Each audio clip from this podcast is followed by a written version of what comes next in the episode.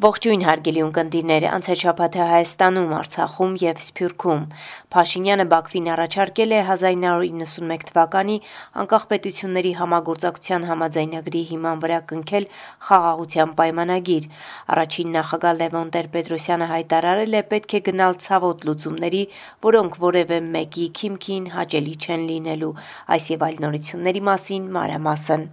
Սեպտեմբերի 26-ի ժամը 22-ի դրությամբ իրավիճակը հայ-ադրբեջանական սահմանին հարաբերականորեն կայուն է, հայտնում է Պաշտպանության նախարարությունը ընդգծելով իրադրության փոփոխություն չի արձանագրվել։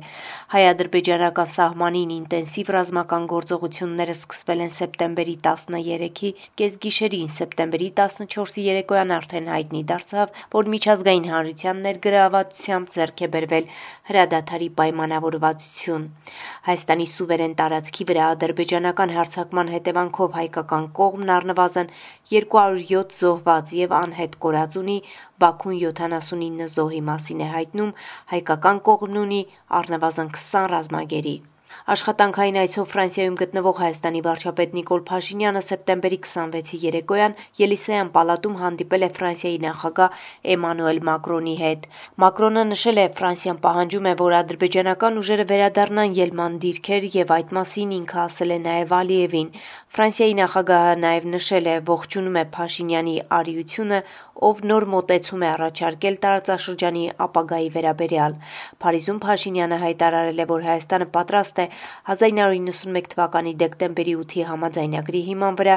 որով կազմավորվել է անկախ պետությունների համագործակցությունը, խաղաղության պայմանագիր կնքել Ադրբեջանի հետ։ Ուզում եմ միջազգային մեր գործընկերների եւ մեծարգո նախագահ նաեւ ձեր ուշադրությունը հրավիրել հետեւյալ փաստի վրա։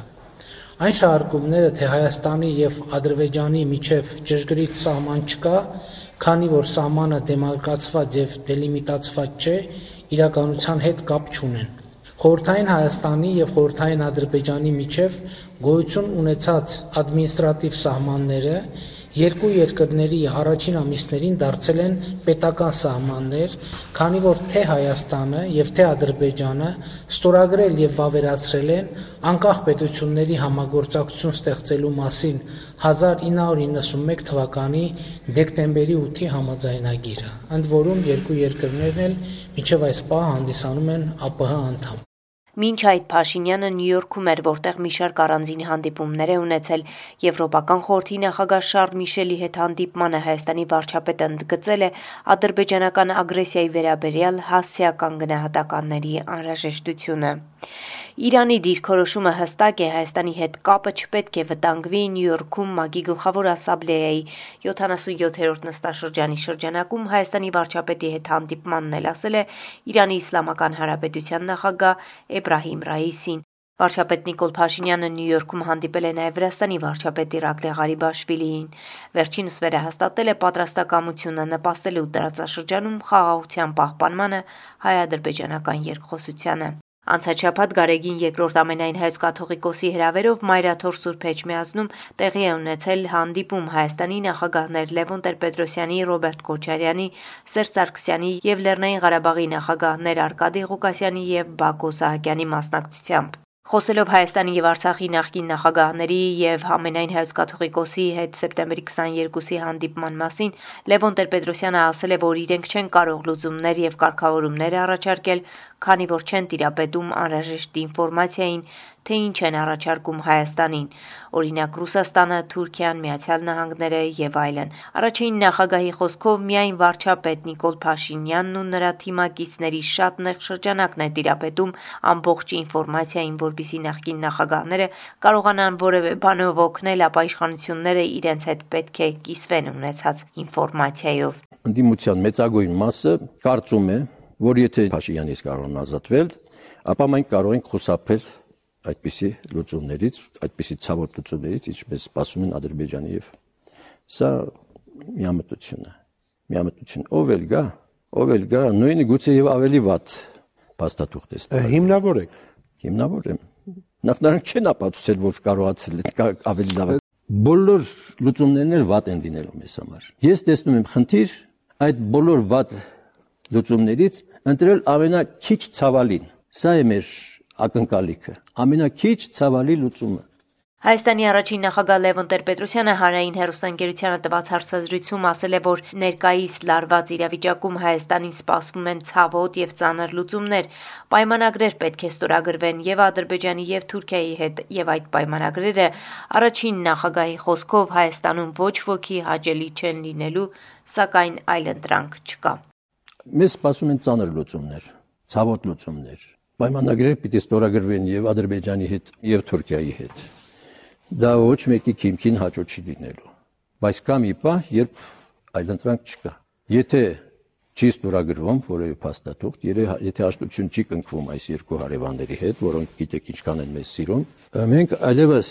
այդ 70 տարվա իրողությունը չենք կարող վերականգնել մենք նորից պիտի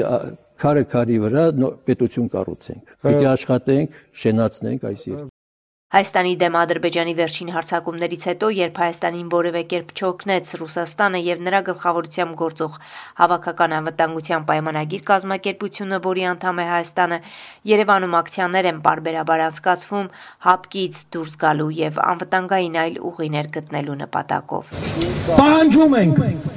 սկսել իրավաքաղաքական գործընթաց հավաքական անվտանգության պայմանագրի կազմակերպությունից Հայաստանի Հանրապետության դուրս բերելու նպատակով Ադրբեջանի վերջին հարձակման հետևանքով Պաշտպանության նախարարության շենքի մոտ այսօրերին անհետ կորած զինծառայողների ծնողներն են հավաքվում, պահանջելով տեղեկություն տալ։ Հարց Պաշտպանության նախարարություն, պարոն Պապիկյան, ուղիղ 13 օր ոչ մի լուր տեղեկատվություն չունեմ իմ երեխայից եւ մնացած բոլոր երեխաներից։ Հիմա հարցս դիմում եմ ձեզ. ինչ միջոցներ եք ձեռնարկում։ Ինչ։ Արցախ Անցած շաբաթ արտաքին գործերի նախարար Դավիթ Բաբայանը հանդիպումներ է ունեցել Միացյալ Նահանգներում, ներկայացրել է ներկա իրավիճակը, ծառացած մարտահրավերները, մատնանշել դրանց հաղթահարման հնարավոր ուղիները, ասել է, պետք է ոտքի կանգնել եւ շարունակել պայքարը հանուն անցյալի եւ ապագայի։ Առանց Արցախ չկա Հայաստան, առանց Հայաստան ակնհայտ է թե ինչպիսի ճակատագիր կունենա Սփյուռքը։ Այս իրավիճակում Արցախի փրկությունը պետք է դառնա Սփյուռքի թիվ 1 խնդիրը, Արցախակենտրոնությունը պետք է լինի համայն հայության համար առաջնահերթություն, նշել է Դավիթ Բաբայանը։ Գործարար բարերա Ռուբեն Վարդանյանը, որ վերջերս հաստատվել է Արցախում, հյուրընկալվելով Մեսրոպ Մաշտոց համասարանում ասել է, որ չի եկել հրաշքներ գործելու, առաջարկում է միասնական աշխատանքի միջոցով դիմակայել մարտահրավերներին։ Վստահեցրել է նաև անելու է ամեն ինչ, որպիսի Արցախն ունենա անվտանգ ապագա։ Միանգամից բոլորին ասեմ, որ դուք հույս չունենաք, ես բրկիչ չեմ, ես զինվոր եմ, որ եկել է դե պես միասին այդ պաշտպանի Արցախը։ Հիմա իմ պաշտպանությունը գրում է ոչ թե զենք բայելով հրամատում կայնած, այլ իմ գործերով, պրոյեկտներով օգնելով ըստ ինչ որ բան փոխվի։ Սփյուռք. Ամերիկացի քաղաքական գործիչները կոնգրեսի ճնշման ներքո դիտարկում են Հայաստանի պաշտպանության նպատակով ամերիկյան զենքի վաճառքի հնարավորությունը, այս մասին ասվում է Ամերիկայի Հայդատի հանձնախմբի Twitter-յան միկրոբլոգում տարածված հայտարարության մեջ 1991 թվականին Հայաստանի վերածննդից հետո առաջին անգամ ամերիկացի քաղաքական գործիչները կոնգրեսի ճնշման ներքո դիտարկում են ամերիկյան զենք վաճառելու հարցը Հայաստանին Ադրբեջանի շարունակվող ագրեսիայից եւ էթնիկ զտումներից պաշտպանելու նպատակով,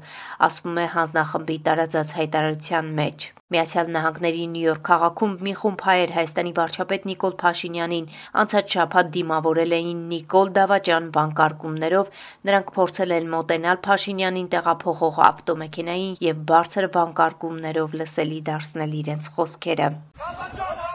Նիգոլ Դավաճան Hafif dur.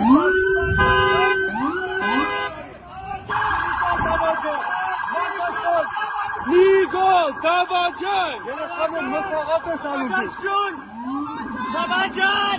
Eyvallah. Dabacan. Dabacan. Միացյալ Նահանգների Սենատի արտաքին հարաբերությունների մշտական հանձնաժողովի նախագահ Ռոբերտ Մենենդեսը վկայակոչելով Հայաստանի դեմ ադրբեջանական վերջին հարձակումները Բայդենի վարչակազմին կոչ է արել դադարեցնել ամերիկյան անվտանգային օժանդակությունն Ադրբեջանին։ Նա ասել է Միացյալ Նահանգները կարևոր հնարավորություն ունի կանգնելու հայ ժողովրդի կողքին, երբ նա փորձում է հետ մղել բռնատիրական վարչակազմի հարձակումը ասել է Մենենդեսը։ Այսքանը անցնող շաբաթը Հայաստանում, Արցախում եւ Սփյուռքում էսբեսի համար ամփոփեց Գիտա Իլբեկյանը։